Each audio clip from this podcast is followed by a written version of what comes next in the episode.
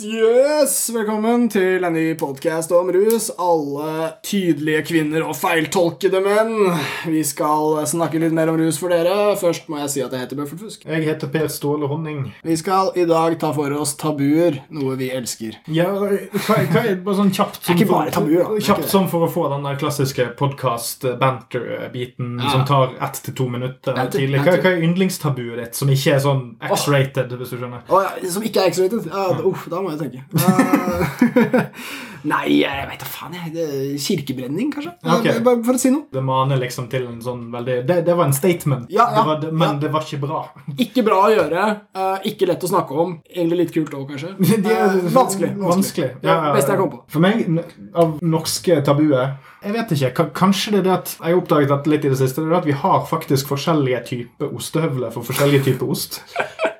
Og det at Og det er en skandale. ja, ja, men jeg, bare, ok, Det er mitt personlige tabu. da, det er at Når jeg har plukket opp en ostehøvel og begynt å skjære ost, og hvis jeg er på besøk hos noen, og så tar jeg meg i at Oi, var dette her brunosthøvelen, og bruker jeg nå den på hvitosten?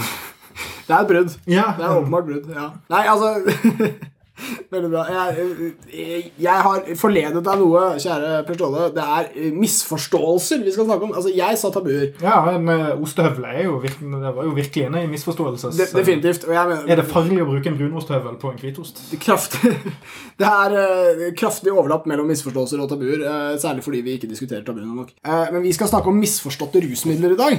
Yay! Og tenkte egentlig å, å finne en hel liste med de. eh, og greia var at noen av de har vært på før. Altså Sånn som poppers. Eh, det er jo en veldig sånn klassiker. Det er misforstått fordi det er et homorusmiddel. eller sånn. Og så er det jo egentlig ikke det. Det er egentlig et helt vanlig rusmiddel. Misforstått. så enkelt kan det gjøres. Der, der kom jo tabuet litt inn i bildet. Da, for at, som vi var inne på når vi snakket om poppers, så sier jo det at eh, grunnen til at heterofile er redd for poppers, er jo det at man er redd for at man etter den lille sniffen med løsemiddelet med, mikro, med liksom-løsemiddelet, at man da plutselig bare skal hive seg på nærmest erigerte penis. Ja, skal liksom ikke gjøre det de gjør. Ja. Nei, nei, det er Samme greien som at heterofile menn har veldig mye imot å sminke seg, med mindre de skal være i et Kiss-coverband. Men i dag så skal vi eh, pushe grensene noe. eh, og Det var derfor jeg også dro tabubegrepet inn i det her. Fordi vi skal snakke om et rusmiddel som Altså, vi åpner med dette her. Dette rusmiddelet, når jeg, jeg kan snakke med folk som tar mange rusmidler, som er gira på uh, alternativ festing, la oss si det, og alt det måtte innebære av syntetiske pulvere og alt det du har hørt, ingen grunn til å ramse dem opp, men hvis du sier disse tre bokstavene, så sier de det er fucka, og de som driver med det, er noen drittsekker. Altså, det er det største image-problemet jeg har noen gang hørt et rusmiddel av. Det virker nesten som om heroin er mer populært blant folk flest til tider. Og det er de tre bokstavene GHB. God heimbrenn. Det er, på norsk så står det for gammahydroksy smørsyre, men da blir det GHS. Det er Og eh, smørsyre høres så jævlig koselig ut. Smørsyre er drittkoselig. Det er, Smørsyre er jo en smørbukkaramell. det er sånn som er smørblomster. Er det, er eh, ben det kommer fra butyric, eh, som er det engelske ordet for smørsyre. Eller butyric acid. Yes, Og det jeg skulle si om GHB, det er at altså før, før jeg sier en eneste positiv ting om GHB, så må jeg understreke hvorfor dette er noe jeg liksom vegrer meg litt for. Det er kanskje det rusmiddelet som flest lensmenn i dette landet fråder rundt munnen eh, av tanken på å få inn i sin kommune eller område. Det er voldtektsmennenes dop. Det er uh, de alternative drittsekkenes dop, osv. Ja, Vi var hårfint innom GHB på denne den samtykkekompetanse-episoden. Ja, vår litt- og sånn, Ja, ja. den- den typen ting. Så der var vi hårfint inne på det, og da snakket vi det veldig spesifikt om når det var snakk om overgrepsmenn og sånt. Mm. Eh, Men igjen, der snakket vi òg en del om kontekst. At kontekst som eh, rusmiddelet blir brukt i, er jo òg det som vi egentlig bør snakke mer om, og ikke nødvendigvis hva Altså gi, beskjele rusmiddelet med en slags sånn Ja. rapiness, Ja, ja. for eksempel. Ja, igjen, og det, Særlig dette med voldtektsdop er, er jo veldig vanskelig. Rusmidler kan brukes til mer enn én ting. Og, og i så fall er det kanskje alkohol som er det største voldtektsdopet osv. Men GHB har jo altså Ja, for Du kunne like gjerne sagt at et av de største voldtektsdopene er autoerotic asphyxiation, siden det er så mange overgrepsmenn som tar kvelertak. Altså, du kunne sagt det, men det hadde vært helt idiotisk. Ja, si. og, så- og, og så er det dette at verken rusmidler eller gener eller noen ting dikterer atferd. sant? Altså, folk reagerer forskjellig. Men det jeg vil si som er forståelig eh, med at GHB er uglesett, for å bruke det begrepet, det er at eh, det er vanskelig å dosere GHB. Det tas ofte flytende, og det er av veldig ukjent konsentrasjon, disse blandingene. Så, og folk tar det ofte i KORK, som er en eh, måleenhet som fremstår uklar at best. Ja, halvannen liters flaske. Ja, Ganske mye forskjellige korker eh, jeg har sett, i hvert fall. Eh, Ja, altså, er Flasker er store. Er det en sånn colakork med gork i, eller er det en Er det, colakork er det gammel eller ny kork? For Ja. det kom sånne små, de er mye lavere. Ja, ikke sant? Så, her, så plutselig flere eller færre overdoser, kanskje. Bensinkannekork. Så, og, og dette er i kjernen av hvorfor GHB anses som ustabilt og farlig. Det er veldig vanskelig å dosere det. Selv om du skulle ha en, en konsentrasjons, altså oversikt over hvor sterkt noe er, så vil du ha utfordringer, og du kan alltid ta for mye. Ja, og det er òg vanskelig å teste for konsentrasjon. Ja, det virker sånn. Jeg tror ikke det er noe du lett kan gjøre, nei. Hvor produseres dette her, egentlig? Eller på hvilke, Er det litt sånn Metal Ab-aktig Ja. i produksjonsfasilitetene? Ja, det er nok noe sånt. Eh, Jeg har inntrykk av at det er ganske enkle kjemiske prosesser. Eh, Noen av disse ingrediensene selges ganske fritt i noen land. Altså det, GBL, som er nesten det samme, eh, selges visstnok som spylevæske i enkelte land osv. Så, videre. så det er, jeg tror ikke det er veldig vanskelig å lage, men det er, det er Metlabs. Det er noen private garasjer og sånt noe, tenker jeg. Kanskje ikke store operasjoner. Helsetrøye med sigaretthull. ja, det er de gutta der. Du, du kjenner de gutta der. Og, men, men det som er eh, også må tas med altså En ting er at dosering er veldig vanskelig med GHB, men det andre er at vi lever i en alkoholverden. Alkohol har bygd det samfunnet vi lever i. Og det som er essensielt, er at GHB for seg selv, hvis du bare tar GHB, så er ikke det nødvendigvis så farlig. Det er veldig lite giftig osv. Få som dør av bare GHB. Veldig få. Men kombinerer du det med alkohol, så blir det farlig. Alkohol gjør GHB dødelig. Øker risikoen betraktelig for at du dør. Og det handler om at man kan lettere kveles når man kombinerer det. Det gjelder også å kombinere GHB med piller. Det må lytteren aldri finne på å gjøre. Aldri ta GHB, forresten. Aldri Det òg. også en ypperlig idé. Bare drite i det. Men det er altså Ja, og siden alkohol har denne posisjonen i samfunnet vårt at der fest er, så er også alkohol, så har på en måte GHB et problem. Eh, Fordi alkohol og GHB de har ganske like ruseffekter. De, alkohol er det som er mest nærliggende å sammenligne effekten med. Den beskrives også som mer euforisk, altså litt sånn mot MDMA eller noe sånt, men en blanding. Og det ser ikke ut som det er så veldig mange folk som velger å avstå fra alkohol for å ta GHB. Hvis eh, vi hadde et samfunn der alkohol aldri var oppfunnet, den gode gamle myten, da hadde det blitt forbudt. Så hadde GHB trolig vært et rusmiddel som hadde vært eh, utbredt, eh, kanskje også populært, og kanskje også på noen måter bedre for samfunnet enn alkohol er i dag. Hm. hvis det hadde vært ren erstatning. Trenger du litt mer bensin til denne brannfakkelen din? Nei, altså det er eh, hvis, jeg, hvis jeg virkelig skal tråkke, tråkke på tærne til lytteren, så er jo det å si at GHB er et rusmiddel som alle andre. Eh, Det har positive sider, og det har negative sider. Det har ettereffekter. Det kan forsterke angst. Det kan gi, gjøre deg veldig, det kan gi deg veldig manglende oversikt, så du kan gjøre veldig rare ting. Men GHB i seg selv har eh, For å ta fordelene, det, det varer ikke så lenge. Det er ikke giftig. Det kan gi en veldig euforisk følelse som kan være veldig intens og, der, og også kortvarig. Dette gir eh, praktiske applikasjoner som mange arenaer, f.eks. Og beskrives som, som veldig behagelig. Kan gi bedre søvnkvalitet enn alkohol. Kan gi bedre seksual eh, aktivitet enn alkohol. Så, ja, det er masse greier der. Eh, men ingen av disse positive sidene kommer jo frem fordi dette rusmiddelet har det image-problemet. for å ta det mest eh, trykkende først. Altså, hva er eh, dødelighetspotensialet ved ren GHB-bruk uten bland, blanding med andre rusmidler? Det er, det er vanskelig å si det. Fordi mm. igjen, det er jo knapt målt i det hele tatt. Og blandings, ja, altså det er blandingsforholdene i selve produktet og det at det sjelden brukes isolert. Ja, det, det er særlig det at det sjelden brukes isolert. Hvis jeg skal, kan si noe generelt, og det er det jeg liksom må gjøre her, så er det at ren GHB-bruk, GHB i seg selv, har en veldig, veldig lav eh, risiko for dødelighet. Det er tilfellet. Grunnen til at jeg vet det, er fordi at GHB også brukes som medisin. Og det her er det ikke så mange som vet, skjønner du. Og dette er ofte, igjen, når jeg snakker med folk som eh, har eh, street smarts når det kommer til drugs, eh, så er det ofte det punktet her de blir litt overrasket over. At det faktisk går an å bruke GHB på et slags forsvarlig vis. Men de pillene, som det, og det brukes også flytende løsning, som inneholder GHB. Det heter Syrem. Jeg håper jeg sier det riktig. XYREM. Det er ett preparat på verdensbasis som brukes til det her. Det er visst veldig vanskelig å få tak i pga. misbrukspotensialet. Men det gis til folk som har narkolepsi, en grusom sykdom som gjør at de ikke får så mye sammenhengende søvn. Disse menneskene tar overdoser av GHB hver natt, sånn at de får sove. Men dette er da medisinsk fremstilt, som vi faktisk vet styrkegraden av, og Ja. pilleformen og Meget kontrollert. Og Det er det fascinerende med dette her. Altså På den rekreasjonelle arenaen så har dette rusmiddelet et ekstremt dårlig rykte.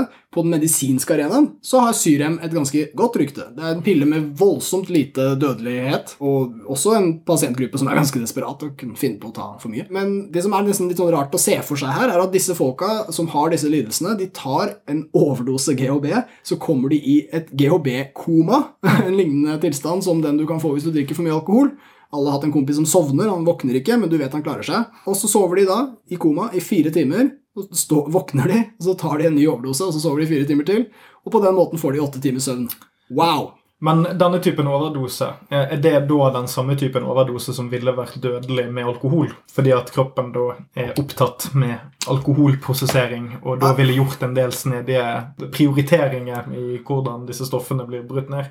Muligens. altså Det er et veldig godt spørsmål, for dosering er jo som sagt det vanskelige. Men uh, det kan tenkes. Grunnen til at jeg bruker begrepet overdose, det er det at når du tar så mye GHB at du sovner, så har du tatt for mye. Ja. Det er liksom regelen. skulle slutte å fungere. ja, det er, det er liksom regelen på den rekreasjonelle arenaen. Uh, det, det er too much. Men når målet er å sovne, så er det jo akkurat den rette mengden. Ja. Så, så, Så sånn det er korrekt dosering. Ja, den i, med, med brillene vi pleier å bruke, så er det en overdose. Men nei, altså, det kommer jo an på lidelsene disse menneskene har, og noen av dem tar veldig mye GHB. Så dermed kan du si at ja, hvis de var fulle også, så ville risikoen for dødelighet vært høy. Eh, men det som er den generelle regelen, og igjen så er det dessverre ganske generelt, det er det at alkohol det er et depressant, altså ruseffekten er depressant. Det undertrykker, jeg mangler gode norske ord, merker jeg, suppressive på uh, Jeg tror du bare kan si at det undertrykker, eller at- det kontrollerer Ja, det demper mulighetene til ditt nervesystem, og, og det er da altså en sløvende effekt. Og det er jo mange fine sider med det, eh, men problemet hvis du tar et depressant, som det heter, med et annet depressant, så står du i fare for at det kødder med viktige funksjoner til kroppen din, og da primært eh, pusting. Fordi når din venn som har drukket for mye sprit, sovner på fylla, så kan det hende han sovner i en vinkel der han ikke får luft. Ja. Eh, men da gjør kroppen hans et lite byks, og så får han luft likevel. Så um, kroppen fikser det. Du stenger ikke oksygentilgangen, du vil våkne, du vil et eller annet vil skje. Tar du GHB sammen med mye alkohol eller med eh, piller og sånt noe, så får du da en risiko for at depressant pluss depressant gjør at du ikke våkner. At du kan kvele deg selv uten at kroppen får deg til å skaffe luft. Ja, så det er litt uvisst altså, altså om det er en motorisk funksjon som slutter Mm. av dette, eller at det er det at kroppen ikke reagerer på den måten den trenger å reagere på for å unngå at du kveles. Ta heroin, da, for eksempel. Heroin gjør jo også at du altså det, er jo- det at kroppen prioriterer prosesseringen av heroin istedenfor kroppsfunksjoner. Stemmer. Det er ikke nødvendigvis den tingen. Nei. Det kan bare være en kombinasjon av to uheldige ting som Ja. gjør at du ikke det er ikke at det er toksisk, det er ikke gift, liksom. Det er, det er andre prosesser. Så det er mer det at du ikke bykser til av oksygenmangel. Ja. At kroppen ikke opprettholder de refleksene du trenger for Ja. å Du- komme du har- deg ut av det. Du kunne klart deg på det ene rusmiddelet, men ikke med begge. ja, nervesystemet er dempet i den grad at det ikke klarer å opprettholde de livsviktige funksjonene, som for eksempel å bykse sånn at du får luft. ikke sant? Og, og igjen, dette er uh, ikke et problem for folk som bare tar GHB, fordi da kan du bykse. Da kan, du, da kan du få luft nok. Men kombinasjonen depressant pluss depressant, alltid skummelt på dette her. Og dette gjelder ikke bare GHB. Dette gjelder hvis du tar alkohol sammen med piller, så kan risikoen for at du kveles i søvne bli langt høyere. Så, så dette er en generell greie. Og så er det òg litt sånn miljøskadetype øh, situasjon dette her òg, siden det er gjerne brukt mye i miljøet som har et ekstremt uheldig alkoholkonsum. Ja. Gjerne litt sånn Trailer Park-vibbe på nachspielet. Ja, og der er det litt sånn høna i lege. Altså, fikk GHB sitt dårlige rykte fra brukergruppen, eller har brukergruppen blitt de som driter i at det er dårlig rykte? For, det- for det er en litt shabby gjeng. Altså, jeg må si det. De, I hvert fall de jeg har møtt som, som er hyppige brukere, det er, de, de lever i nuet, for å si det sånn. Det er den delen av ruskulturen der man er veldig spontan og ikke tenker så veldig langsiktig. Ja, at det er mer sånn 'nå skal jeg ha det gøy', og det er viktigere enn en eller annen slags potensiell rusrapport jeg kunne ha lest tre måneder i forveien før jeg tok et veldig vei over-veid valg om å prøve dette. Ja, rusbrukere i grupper som er mer risikovillige. eh, definitivt. Og De, de som røyker rødmix. Ja, ikke sant? Og dette er jo naturligvis problematisk, fordi vi allerede har vært inne på hvor vanskelig det er å dosere dette her, og så har du da i tillegg en brukergruppe som har et ganske lemfeldig forhold til alle former for dosering, og som da tar en kork her og en kork der, med andre ting. Og da begynner det å bli farlig. Ja, for jeg, jeg assosierer veldig denne brukergruppen med at de ser det, til forveksling lik ut med hvordan jeg ser for meg de som produserer det. det kan godt være. Det er klasseperspektiv, men jeg tror det treffer. Det finnes selvfølgelig også uh, ryddige GHB-brukere. Det var ikke så lenge siden det var en advokat som ble tatt med dette her. og litt sånne ting, Så det, det er jo åpenbart et, et slags marked der ute. Men det vil i så fall foregå ekstremt skjult. Uh, de, de som synes, er shabby. Det er i hvert fall min erfaring. Uh, så ja, GHB er et helt ordinært rusmiddel. Hvem skulle tro det?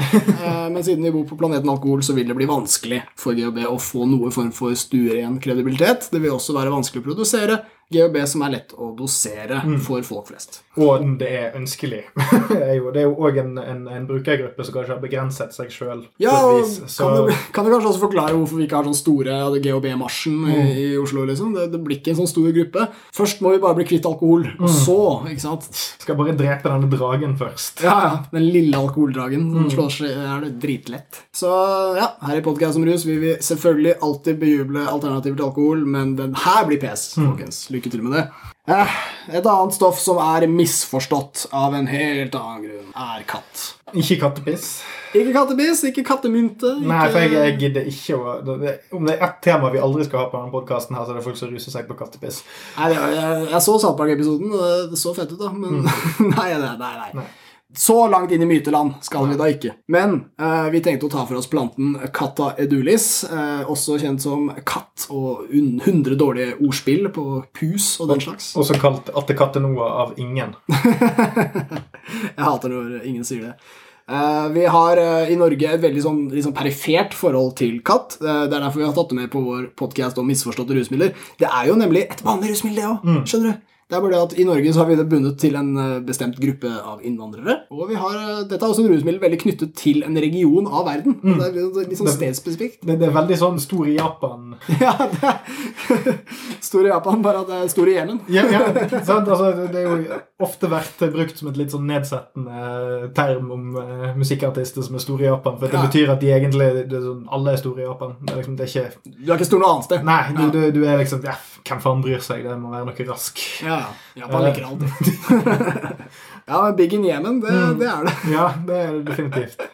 Jemen og den arabiske halvøy. Yes, indeed. Og det var uh, ypperlig ordspill, fordi når jeg skal prøve å fortelle at katt er uh, vanlig, ikke sant? uh, mer vanlig enn vi kanskje anser det for å være i Norge, så er det Jemen som er det primære eksempelet. Og se hvordan det har gått med Jemen.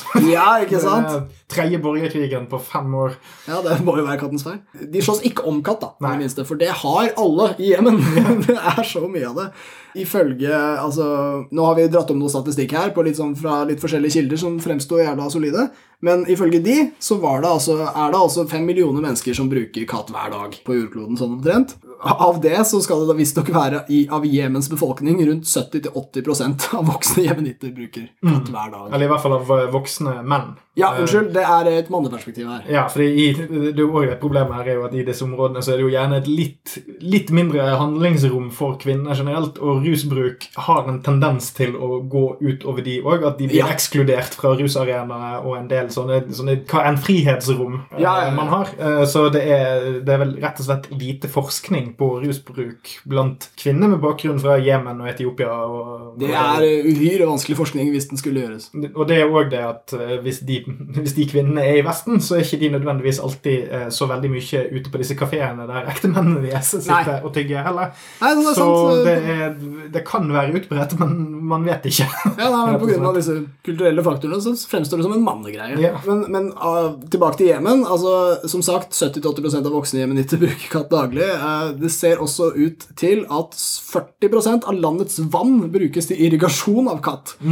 Og at eh, rundt 30% av landets totale økonomi eh, dreier seg rundt kattindustrien. Og så er det jo fristende å begynne å, snakke litt om, om religion rundt dette. Vi skal ikke gå så jævlig langt inn i det, men det er jo påfallende at katt er populært i de delene av verden som har en veldig stor islamsk majoritet. Det er halal, bror. Ja, det er halal. Det har aldri falt inn under den tolkningen som gjør at alkohol og hasj og en del andre stoffer I, i det breie det er jo så mange steder og tolkninger som gjør at Særlig alkohol er jo forbudt. Ja, særlig alkohol. Hasj er det litt sånn uglesett. Det spørs litt på hva, som- hvor religiøs du er. og alt mulig sånt. Men det virker òg som om at katt òg er Det bare er en ting Ja, Det er som kaffe, eller sånn, det er en ting du gjør, eller ja, Det ser ikke ut til at det er så mange imamer som har fordømt det noe særlig. Nei, og i den grad de har fordømt det, så har ikke de gått så jævlig hardt ut. Nei, det kan de bare ikke ha gjort. ass. For det, er, det, det har en allmenn folkelig appell i denne regionen. Det er, men, men vi må også ta med det historiske perspektivet at trolig har dette vært brukt lenge før vår tidsregning i denne regionen. Det har vært der veldig veldig lenge. I hvert fall før kaffe. Det første sporet som vi klarte å finne i kildene, var at fra vikingtida, altså år 1065, og trolig lenge før. Så det er lenge før kaffe. ikke sant? Igjen Columbus og håper si Sør-Amerika må komme seg over. Så det lange røtter i kulturen. jeg, jeg så en referanse til de gamle egypterne. Altså sånn, La oss si 2000 år, da. Ja. Eh, At det der ble sett på som en luksusvare. For at det var så, på, sikkert pga. dette med irrigasjon, altså at du trenger vann til, masse vann for å produsere planten, så var det en luksusvare. Mm. Eh, Som kunne gi deg eh, x antall euforisk opplevelse i en eller annen prestefunksjon. prestefunksjon. Men, men det er òg litt sånn den typen eh, det, det var en ganske gammel artikkel, og det, det spørs helt hva det er. Altså, mange ting som kan forveksles der, da. Men det kan være 2000 år gammelt Ja. i, i, tekstformat. da. Det er vanskelig å vite. Ja, Vi fant jo også ut at uh, Charles Dickens hadde skrevet om katt. Ja, som eh, det er absurd. Han skrev om uh, barnearbeid i, som skorsteinsfeiere i London, og så skrev han reisebrev fra imperiet. I uh, The Orsons of East Africa skrev han da om hvordan dette brukes som den lokale moroplanten. Ikke verst, Dickens. Men i norsk kontekst så er katt eh, stort sett knyttet til én nasjonal gruppe av innvandrere, og det er somaliere. Eh, og særlig i, på Oslo øst, der podcast om rus stadig vekk holder til. Ja, så, så, Purely for research purposes. Alltid research. tar en sånn styrt, en, en skikkelig spurt gjennom grønnsaksmarkedene der for, mest for å unngå å bli drept Mm. av uh, de svenske tilstandene. Men eh, Kommer full av ideer ut. ja. Svenskt. Det er det jeg tenker når jeg går på Grønland. Dette er svenskt. Men eh, det, for, for en god del år tilbake, bare for å ta dette med katt i, i forbindelse med somaliske innvandrere Vi så en, en nyhetssak for mange år siden, og dette er litt sånn løs referanse, siden jeg ikke klarte å finne den. Men det var snakk om det åpenlyse kattsalget på gata på altså Tøyen og Grønland og det Ja. området der. Og det, det som var liksom festlig med det, var at det er jo ulovlig, så de går rundt hjørnet. Men katt har jo veldig stort volum. Mm. Det er ikke småklumper, dette her. Det er buketter. så det er en sånn blomsterhandler som står rundt hjørnet der med bærepose og bare deler ut eh, oppsatser. Ja, og så det, virker det, det er ikke akkurat her, her er jo en annen type grunn til at dette kanskje ikke sprer seg til spesielt mange andre utgrupper. er jo det at det har jo ikke nødvendigvis en spesielt stor sånn pound for pound-avkastning, siden du er nødt til å bruke jævlig mye vann for å produsere det i områder med veldig lite vann, og så må du smugle det til Norge. Ja, liksom, Jeg må jo regne med at det ikke er veldig dyrt heller. Nei, altså, ja, sikkert ikke billig, men ikke rådyrt. Nå- Nei, nei, og, og, og så eh, skal det selges gjerne i, i, i favn. Ja. Måler det i favn.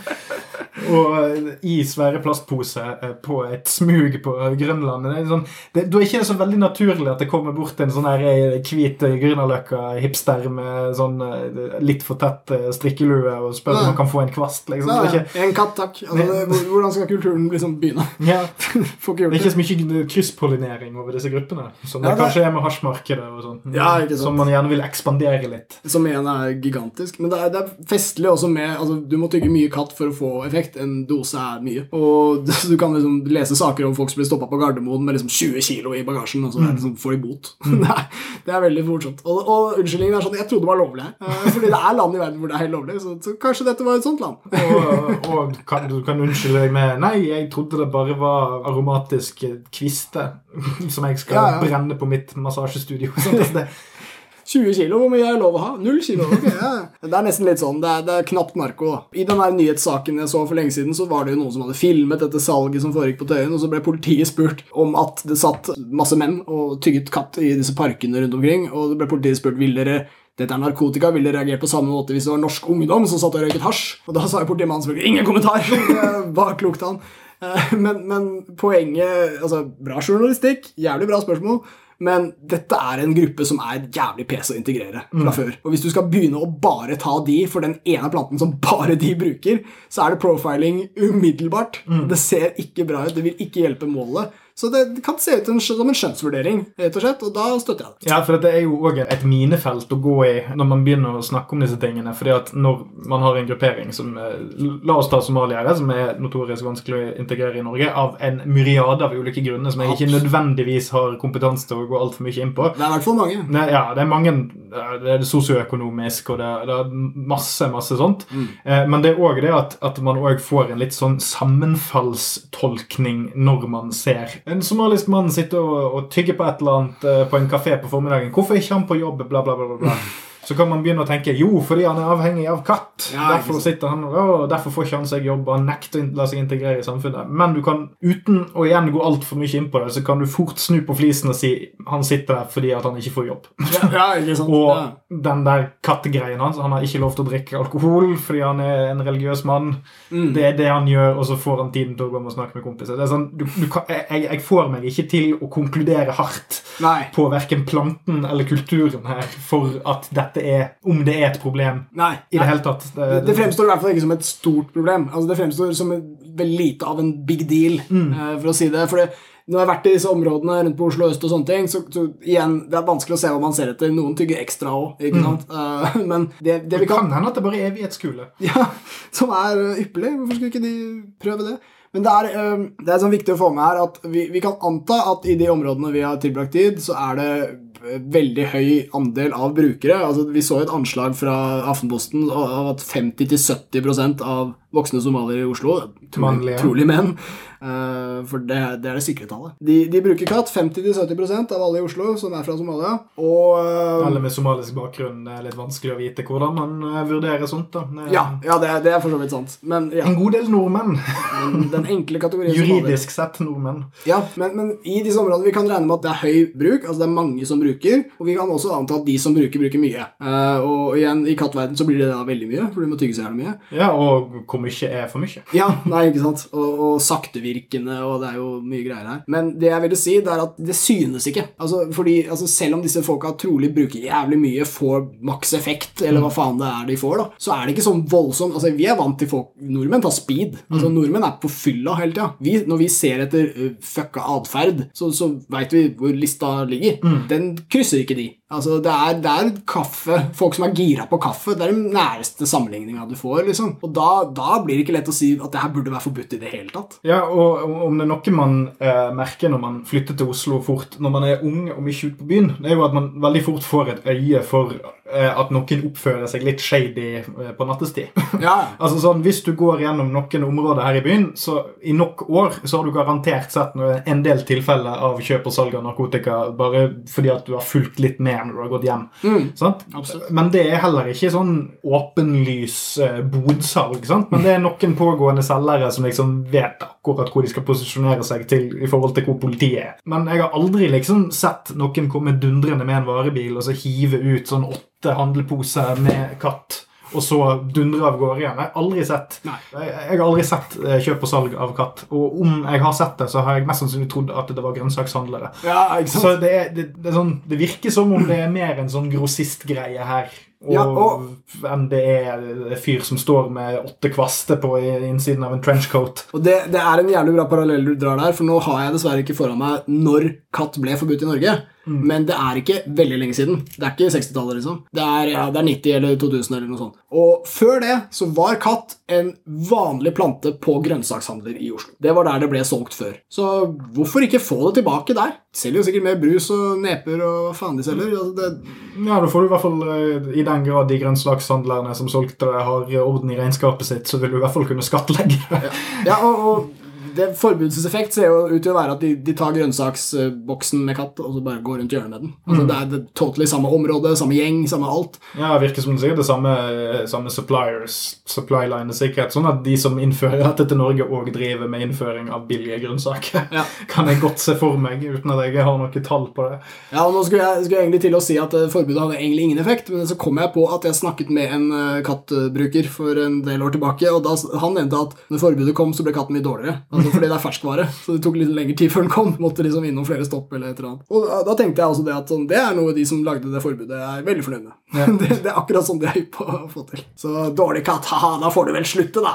Og av eh, ruseffekter så er det mild eufori etter x antall tygg, som kanskje tar tre timer. Altså det, det er en, dette er ikke en sånn quick fix-greie. Dette er ikke noe du liksom, dette, dette er ikke en impulshandling-type rusmiddel. Det er ikke det samme som å bare ta en dårlig avgjørelse på byen og så ta en linje med kokain. Nei, altså, ja, absolutt. Altså, er det et kult perspektiv også med at i vår sosialkultur så er det på en måte veldig lite akseptert å ta andre rusmidler enn alkohol. Så det å gjøre det blir nesten en slags sånn opprør mot den kulturen du lever i. Mens hvis du er en somalisk eh, mann på 30 år, så ville det å ikke tygge katt egentlig være det bruddet. Så det, det er liksom så utrolig utbredt. Det er så utrolig vanlig. Er Nesten som en, eh, et krav for å tilhøre kulturen. Og det eneste inntrykket jeg har av sånne langtidseffekter som er negativ for fysikken, er at det, det går jo sikkert tungt utover tennene. Ja, det ser faen meg ut som det. ass. Ja. Det, det må jeg bare si, rent bare fra Ja, for at, observasjon. du, ja, for at du tygger mye, og det er hardt plantemateriale. sånn, så, det, Ja. Så det er jo mer ut av at det, det er bare inntaksformen som vil være litt oppfuckende. Men det er nå et valg folk eh, burde stå helt fritt til å ta sjøl. Og eh, virkestoffet i katt det heter katinon, og er, eh, ble isolert for ja, noen sånn 20-30 år siden. noe sånt, og veldig mange av de nyere rusmidlene i verden har kommet fra det. At man begynte med katinon og så endte opp med å lage noe annet. Men uh, det betyr jo også at altså, virkestoffet har blitt isolert, så du kan kjøpe, altså trolig hvis du leter, en pille da, med katinon i, en kapsel eller noe sånt, så du kunne på en måte få i deg katt uten å tygge en helvetes mange buketter. Men det ser jo ikke ut til at det endret noe da den kom. Altså, Nei, de så- fortsetter å tygge bukettene, så det handler jo mer om ritualet og tilhørighet til kulturen og sånne ting. enn det handler om effekt. For Dickens sammenlignet det med grønn te. Ja. Altså, og og Mm. det var på den måten han observerte det hos liksom, eh, de lokale i de landene han Det er mildt, ass. han, han sammenlignet det med den euforiske effekten som briter får når de har fått skikkelig god grønn te, eller noe sånn tilsvarende. Og, og det, blir det ikke. jo, jo, men det, det er jo det som er morsomt med å, å lese ting som eufori. Ja. Og så må man jo tenke seg om ja, det er jo øyet som ser hva som er euforisk. Ja. Eh, Så det er mildt skjerpende, og den gir deg en digg følelse. vel omtrent, Det er veldig vanskelig for oss eh, vanlige alkoholdrikkende hvite nordmenn å skjønne hva greien er. Men det virker i hvert fall som om greien ikke er så forbanna ugrei. I det minste. Nei, ikke sant. Kanskje går vi glipp av noe. Kanskje er katt et eh, supplement til eh, nordmenns allerede etablerte kaffevane, som hadde vært bra for vårt samfunn. Hvem vet? Vi, vi går i hvert fall glipp av det gjennom disse misforståelsene som foregår på den kulturelle arena. Eller gjør det unødvendig uglesett. Ja. Altså, om, altså, Hvis det ikke var et problem fram til det ble forbudt, og la oss anta at det forbudet kanskje kom pga. noen litt sånne småkjipe analyser av det norsk-somaliske miljøet, som kan ha vært litt i nærheten av det jeg snakket om i sted, med mm, hønen eller egget på eh, lav uh, sysselsetting og litt sånne ting, så er det mest sannsynlig gjort på et dårlig grunnlag Ja, ja, for å gå utover en konkret gruppe. Eh, kanskje den gruppen hadde fått det marginalt bedre med at denne lille biten av de sin fritidssyssel ikke eh, er forbudt. For det er et omriss av rasisme her. Ja. Det er bare det at det er, det er litt for betent til at jeg er komfortabel med å gå veldig hardt inn på det. Fordi at jeg ikke nødvendigvis har denne innsideperspektivet. Tricky, da. Det det er veldig tricky, men det er en antydning her, og jeg mener at det er, det er nok noen folk nå som har blitt rett og slett blitt skattlagt litt vel hardt, da, for å bruke litt metaforer, eh, for noe som eh, tilsynelatende ikke påvirker gatelivet her i spesielt negativ retning, annet enn at det er forbudt. Ja, og, og for å underbygge det evige poenget vi har om at forbud er enkelt, og ting er mer komplisert enn som så. Det var jo en krise å forby katt. Altså det, det fremstår på det beste som unødvendig. Fordi, la oss si at du har integreringsproblemer med den somaliske befolkningen, og det vet vi at vi har, eh, så må man jo gå inn og forstå disse problemene spesifikt og eget. sant? Og her har vi da altså, Det er sikkert mange koner som er frustrert for at mennene deres tygger for mye katt og henger på sånne kattklubber og whatever, liksom. Og det, Disse ville kattklubbene. ja. Og så kommer det kommunale arbeidere, sosialarbeidere, whatever, så prøver de å forstå, prøver å megle i familien, prøver å liksom sette seg inn i den dritten her. Det er vanskelig nok. Men så kommer liksom forbud i tillegg. Det han gjør, er en kriminell handling. Han er en, en skurk. Plutselig er jo barnevernet på døra. Det, det Unødvendig problematisering av en gruppe som, som ikke trenger det. Og jeg skjønner hvorfor altså, Jeg tror at argumentasjonen bak dette forbudet var på en måte spredning, og at man ikke skulle få sånn kultur, de gode, gamle argumentene. Men akkurat timinga og sånne ting ass, på akkurat denne gruppa som er så vanskelig å få liksom, med oss på laget, og så forbyr du en ting som bare de bruker, det, det, det fremstår veldig uklokt. Og igjen, vi, vi er sinte på forbud mot rusmidler generelt, men akkurat i dette tilfellet så hadde det en veldig negativ effekt på integrering, tror jeg. Og det er vel kanskje det eneste eksempelet vi har på uh, ruspolitikk uh, slash integreringsproblemer. Men vi har det, og vi deler det. Da blir det en liten avrusning før vi gir oss 100% Avrusning! Yes, vi avruser oss med å minne om at vi snakket om misforståtte rusmidler i dag. Det var særlig GHB som fikk fokuset vårt. Det brukes nemlig også som medisin. Det visste lytteren kanskje ikke.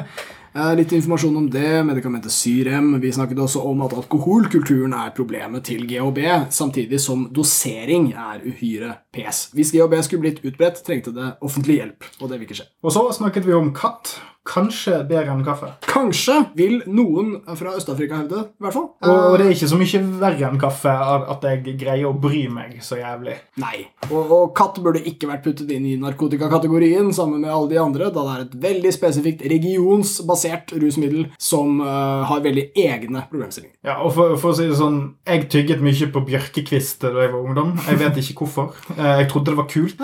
Det var utrolig lame ting å gjøre. Jeg var ikke ungdom engang. Jeg var sikkert seks år. Så sikkert dritfett ut. Ja, men, men igjen, det er tidkrevende. Altså sånn, Det å få plantemateriale i jekslene er en hassle. Så det, dette fenomenet begrenser seg sjøl.